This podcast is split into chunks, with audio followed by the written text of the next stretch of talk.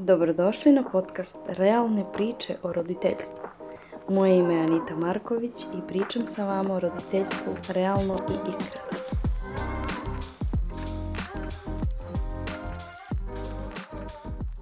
Kad imaš dvoje male dece, kao ja, imam e, dve devojčice od 2 i 4 godine, situacije koje, iz kojih možeš mnogo da naučiš su svakodnevne i dešava se i više takvih situacija dnevno. Mnogo, mnogo benefita ima ako izvučeš lekcije iz svake situacije, ako dozvoliš sebi da naučiš nešto iz toga, da vidiš gdje si pogrešila i kako da tu grešku ne ponavljaš svaki sljedeći put.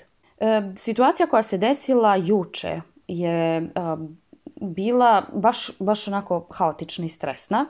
I bilo je nešto što, ja mislim, najgora, najgora stvar koju, eto, bar ja kao majka, kao roditelj, najgora stvar koja se dešava između dece je kada se potuku. Kada, kada se pokrene ta tema, često ja čujem a ne, ne, oni se nikad ne tuku, ja to ne dozvoljavam, učim ih da se vole, da se cene, da se poštuju, da slušaju jedno drugo, da pričaju i tako dalje. I onda, kao, nikad im ne dozvolim da se posvađaju. Međutim, nije dobro ne dozvoljavati deci da se posvađaju, da pokušaju sami da reše konflikt u koji su ušli. Naravno da treba da reagujemo ako se neko povređuje, ako jedno povređuje drugo ili se oboje povređuju. To je situacija kada naravno moramo da reagujemo i ne bi trebalo da ignorišemo takve stvari.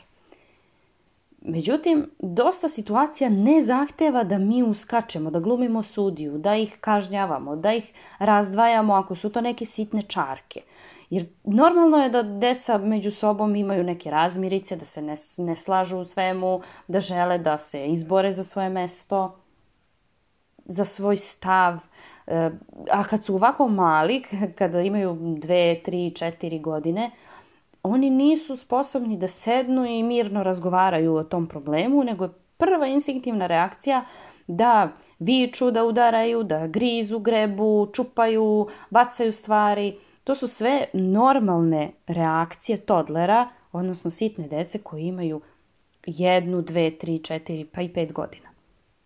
Već negde oko pete godine, pa i oko četvrte da kažemo, ali sigurnije reći oko pete godine očekujemo da dete više vlada svojim impulsima, da, e, da može da upravlja bolje svojim emocijama, da generalno ima bolju sposobnost samoregulacije, ali naravno to još uvijek nije tako savršeno jer budimo realni, ni mi odrasli nemamo uvijek E, mo, sposobnost da, se smirimo u nekoj takvoj izazovnoj situaciji kada smo pod stresom ne vladamo baš najbolje sobom i nama se dešavaju takvi emocionalni ispadi koja je to situacija koja se desila kod nas. E, ja sam baš, bila sam sama sa njih dve u kući i pripremila sam večeru i upravo sam stavila nešto da se prži gdje mi je baš bilo potrebno da, da budem tu pored da mi ne zagori. I u tom trenutku deca su se igrala u, u drugoj sobi i u tom trenutku čujem vrištanje. Prvo je bilo neko, neka priča, pa ja naravno kad si mama ti i čuješ i imaš oči na leđima i možeš da radiš više stvari u isto vrijeme i da se fokusiraš na to šta deca rade, šta, šta se tamo dešava, da li su čitavi da li treba da intervenišeš.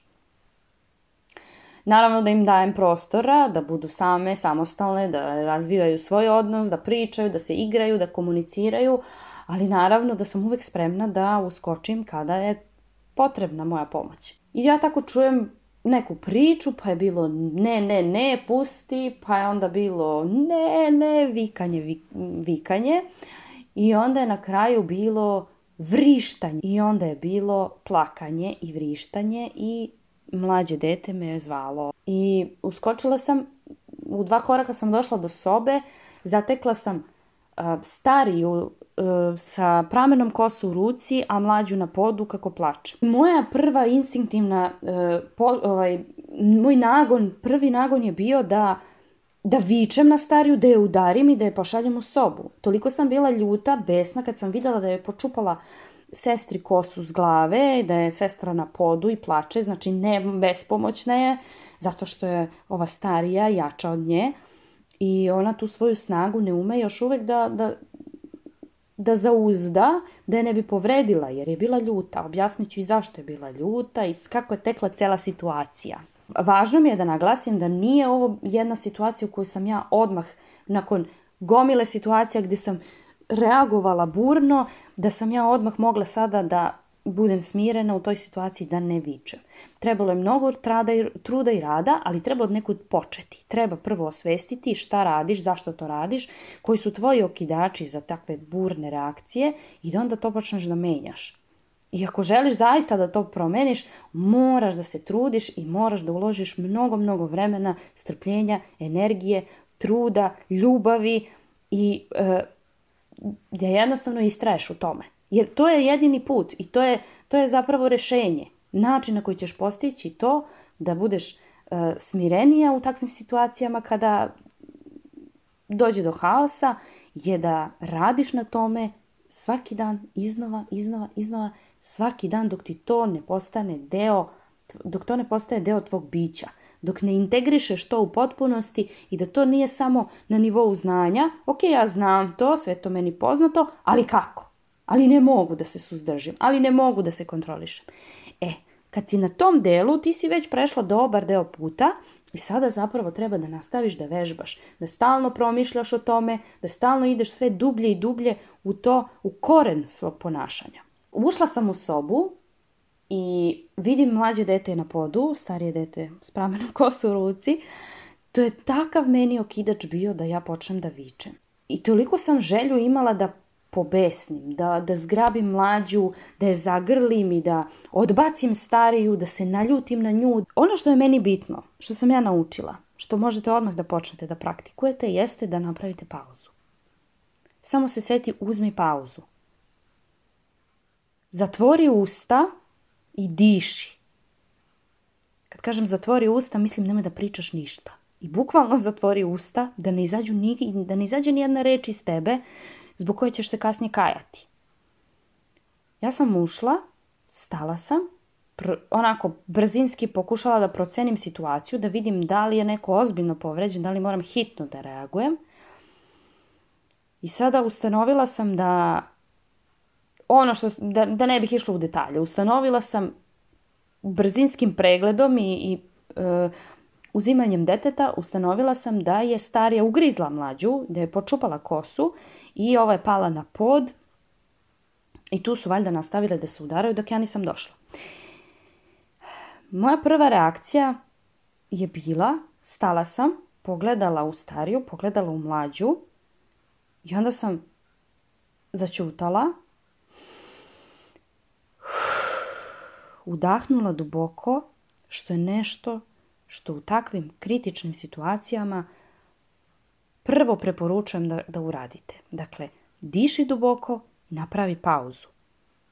To će ti dati dovoljno vremena da se malo, malo regulišeš, da bi mogla smireno da reaguješ, da ne, da ne optužiš dete za nešto, da ne počneš da vičeš, nego da probaš samo da racionalno sagledaš situaciju i da postaviš pitanje koje će otvoriti razgovor, a ne pokrenuti optuživanje, okrivljavanje i tako dalje. Kad sam vidjela da me mlađa zove, hoće da je uzmem, ja sam je uzela u naručje, zagrlila sam je i prvo sam je pregledala, to je prvo što radimo u takvim situacijama, pregledamo da li ima povređenih, nisam pregledala samo mlađu, pregledala sam i stariju, jer to što je ona starija ne znači da, da ne može i mlađa nju da povredi upravo zato što ne želim da je odbacim, da, da ona misli da je samo ona kriva i da, da je ona uvijek glavni krivac, jer to se često događa sa starijim detetom. Ono je stari, ono treba da brine o mlađem, mora da bude nežno, pažljivo, ne sme da ga dira, mora da mu popušta. To se stvarno često dešava i ako imate e, situaciju gdje se to kod vas, ako se kod vas u kući to često dešava, savjetujem da probate da se stavite u perspektivu starijeg deteta, da posmatrate svet iz njegovog ugla, jer nije uvek ono krivo, za svađu je potrebno dvoje. Uvek se nešto desi da podstakne ovo starije na određeno ponašanje. Svako ponašanje ima svoj uzrok, ima svoj razlog. I onda, umjesto da odmah optužite starije dete i kaznite ga, probajte da ga saslušate. To ne znači da vi odobravate njegovo ponašanje, ali želite da mu pružite podršku i da vidite zašto je došlo do toga, zašto je recimo ona nju počupala i, i e, ugrizla, šta je dovelo do toga i kako može da reaguje drugi put drugačije, a da ne, se ne povrede. Kažem, pogledala sam stariju, vidjela da nema, nema povreda i onda sam ih smirila. samo sam se usredsredila, nisam ništa pričala. Usredsredila sam se na to da ih smirim, da polako niko ne plače, da se malo samo slegnu emocije, da se malo one stabilizuju, da možemo da pričamo. I to je prva stvar koju radite u takvim situacijama, ako dete ima emocionalni ispad, tantrum, počne se baca na, na pod, vrišti, plače, počne da udara, prva stvar, pazite da je bezbedno dete i svi oko njega, da ste vi bezbedni, da ne udara vas i povređuje vas ili nekog drugog ili sebe i da se smirite. Jer ne možete ništa da objasnite detetu u trenutku disregulacije kada, njegove, kada su njegove emocije, kada je preplavljeno emocijama, ne može da vas čuje zato što deo mozga zadužen za eh, racionalizaciju, za razgovor, za mišljenje, zaključivanje i eh, planiranje, sve to, sve to je taj razumni deo mozga nije uopšte uključen u tom trenutku, je on isključen.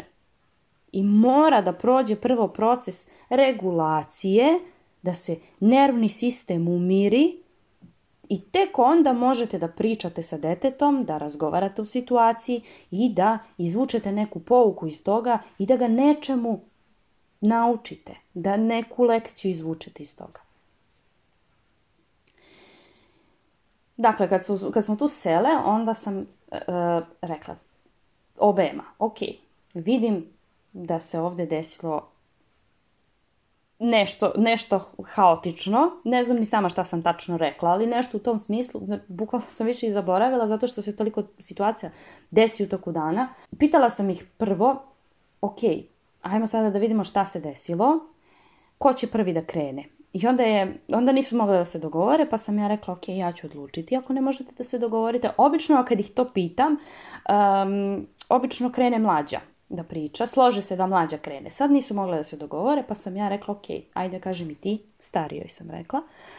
I onda je ona krenula. Ali krenula je od kraja. Krenula je od toga da ja sam nju ugrizla, počupala sam je za kosu. E, ok, dobro. Šta se desilo pre toga? Hajde da vidimo, šta te je navelo da to uradiš? Nisam je pitala i bitno je kakva pitanja postavljate, da ih ne optužujete tim pitanjem. Da ne bude zašto si to uradila? Kako te nije sramota? Šta, šta, ti, šta ti je bilo? Šta je s tobom? Šta s tobom nije u redu? Ne takva pitanja. Nego, šta se desilo? Hajde, molim te, objasni mi. Želim da, da te čujem. Želim da vidim zbog čega se ovo desilo. Da vidimo kako možemo to da rešimo. I uglavnom, da skratim priču, da ne prepričavam sve što sam pričala sa njima jer je razgovor bio dugačak. Prvo je pričala jedna, pa druga, pa sam ja polako dodavala ono što pomagala sam im zato što one nemaju kapacitet taj fond reći, e, e, verbalne sposobnosti da objasne celu situaciju od početka do kraja. I onda sam im ja polako dodavala delove da sklopimo celu priču. I na kraju sam im ponovila celu priču. A cela priča je tekla ovako. Tu je bila jedna stolica, na njoj su bili, e, bilo je neko ćebe, onda je htjela mlađa da uzme ćebe, pomerila je ono što je starija namestila, pa je starija rekla nemoj to da diraš, a ova je htjela da dira, pa je vukla i gurala i onda je, e, starija joj nije dozvolila, pa se mlađa naljutila i onda je krenula da baca sve sa stola, a tu na stolu je bilo poređeno... Pre toga, znači pre te situacije sam ja dala starijoj zadatak da razvrsta veš. Čarape su neke bile i e, ona voli to da radi, generalno to nam je deo igre, da ona razvrstava i sparuje čarape kada naravno to želi i ovog puta je ona sparila sve čarape i sve ih je stavila, skupila, složila tako po parovima da ja posle to spakujem. I onda je mlađa sve to pokvarila. I ja bih bila ljuta zbog toga mnogo, da mi upropasti trud. Jer ona je njoj propastila trud koji je ona uložila da spari te čarape. Kada je ona oborila to sve, starija se naljutila, vikala je ne, ne i onda je potrčala i naravno prva reakcija četvorogodišnjaka je bila da je udari. Onda kako, taj, kako je taj nalet besa bio, one su se pobile i tu jednostavno je trebalo da dođe neko stariji, zreliji da reši tu situaciju i da ih razdvoji, da ih spreči da se povrede. Onda smo mi tu odmotali to klupko pa smo pričali o tome. Uvek u takvim situacijama pričam sa njima o tome kako se ko osjećao, zašto je neko uradio to što je uradio i kako može drugi put da radi drugačije, a da ne povredi ni sebe ni druge. Da u redu je da smo ljuti, naravno da ćemo biti ljuti, pa Bože, toliko si se trudila da to složiš i ona ti je to pokvarila. A ona ti je to pokvarila jer je bila ljuta što je ti nisi dala da, se, da, da pomeri ovo ćebe. A ti joj nisi dala da pomeri ćebe jer si ti tako namestila. I to, sve, to je sve povezano. To je kao jedna lančana reakcija. Jedno je povuklo drugo i ode mast u propast. I onda ok je da ti budeš ljuta zato što ti ona nije dala da diraš ovo ćebe, ali nije u redu što si joj ovo oborila, sve rasturila, ona se potrudila da to složi i bila je ljuta zato što si to uradila. A ti, bilo je u redu da se naljuti što ti ona pokvarila trud, ali nije u redu i ne dozvoljavamo da se bijemo, da se čupamo i povređujemo. I onda pošto je mlađa, prosto dve godine ima, ne može da razume to na takvom nivou, ali ja svakako o tome pričam svakodnevno sa njima i ona polako uči iz, iz iskustva i ponavljanjem. Dakle, ponavljanje i model ponašanja, moj model ponašanja. I iz tog razloga sam ja mnogo, mnogo radila na tome da ja smireno reagujem u takvim situacijama i da im pokažem kako može ljutnja, frustracija, nezadovoljstvo da se izrazi na mnogo kvalitetni način koji neće povrediti nikoga oko mene, ni fizički, ni, ni emocionalno. I onda ono što sam na kraju, što isto želim da podelim, jeste, na kraju sam im rekla, ako si ljuta, prvo probaj da joj kažeš, nisi to smela da uradiš, probam uvek da im objasnim kako mogu rečima da izraze svoj stav i svoje želje i potrebe, kako da komuniciraju sa drugima.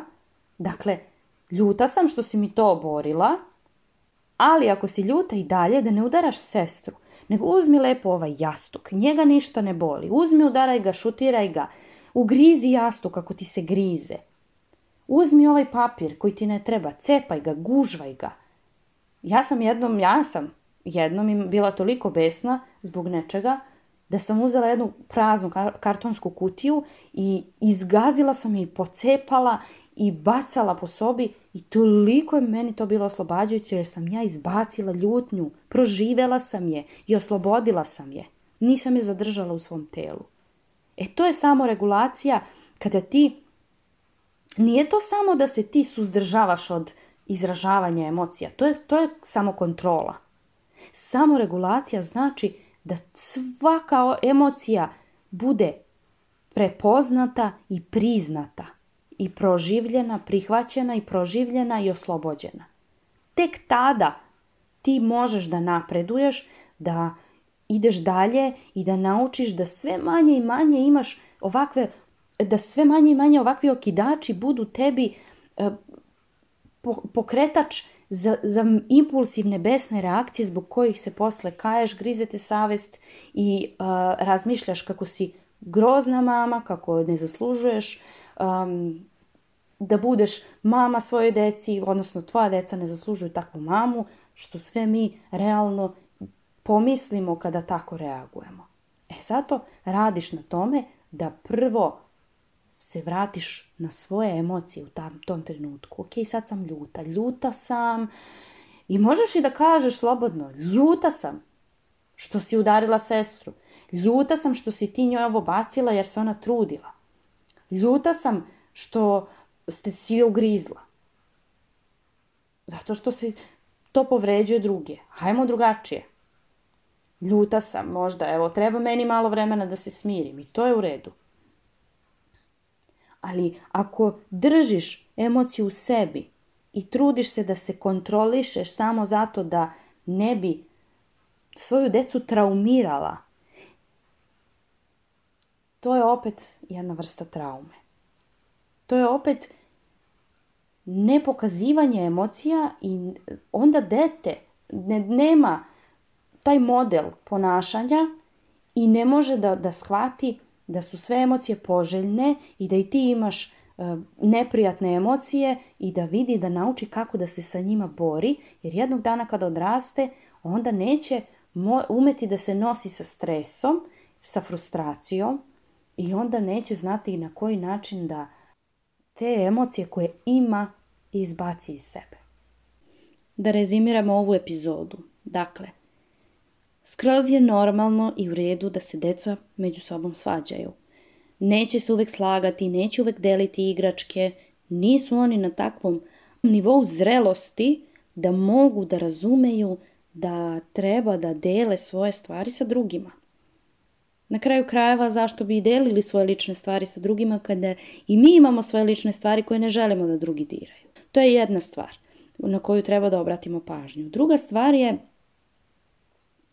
kada se desi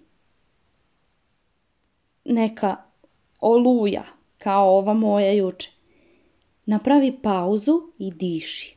Samo udahni duboko. Dva, tri puta, pet puta, pet puta, idealno proveri da li nekome treba hitna pomoć, odnosno tvoja hitna pomoć, da hitno intervenišeš ako je neko povređen, ne samo fizički, nego i opet kada su, što su mlađi, to im je više potrebna uteha. Ok, tu sada dolazimo i do, one situacije kada, koju sam spomenula, da nije uvek samo starije dete krivo, već i i mlađe učestvuju u svađi i da ne treba uvijek da mlađe tešimo, a starije kažnjavamo i okrivljujemo, već da pružimo podršku svakom detetu. Tek kada se smiri situacija, kada se slegnu strasti, da onda razgovarate o situaciji i da vidite ko se kako osjećao, zašto je, šta ga je navelo da uradi to što je uradio, šta misli o tome i kako može sljedeći put drugačije da reaguje. Također podstičite decu da reše problem. Da ih pitate, a kako možemo ovo da rešimo? Ona je ljuta zbog ovoga, ona je tužna zbog ovoga, ova je iznervirana, ova je razočarana, povređena. Kako ćemo sada da se iskupimo za ovo? Na koji način? Da li će to biti izvinjenje, da li će to biti pomoć? Na kraju su one, to sam također zaboravila da kažem, na kraju su njih dve pokupile zajedno to što je razbacano i nastavile su posle normalno sa svojom igrom, mislim, deca su. Ali je taj moment koji su imale da one pričaju, posvete se toj situaciji, jedna nova lekcija. I polako, sve će to doći. Ne znači da će ova jedna situacija, ova jedna situacija, ne znači da e, one neće već danas, sutra da se ponovo posvađaju i da se ponovo počupaju i da se ponovo desi slična situacija. To ne možemo da očekujemo. Ali polako, opet kad se desi takva situacija, opet ćemo isto da radimo. Doslednost i istrajnost i ponavljanje, samo ponavljanjem će oni naučiti, naravno ne ponavljanjem i praznom pričom, nego kada vide i nas da to isto radimo. Iz tog razloga radimo na našoj samoregulaciji, da pružimo primjer detetu Toliko za ovu epizodu.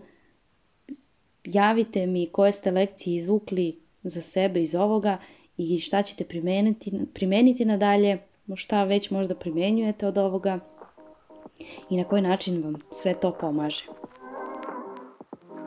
Hvala na slušanju. Pretplati se na moj kanal da ne propustiš sljedeću epizodu.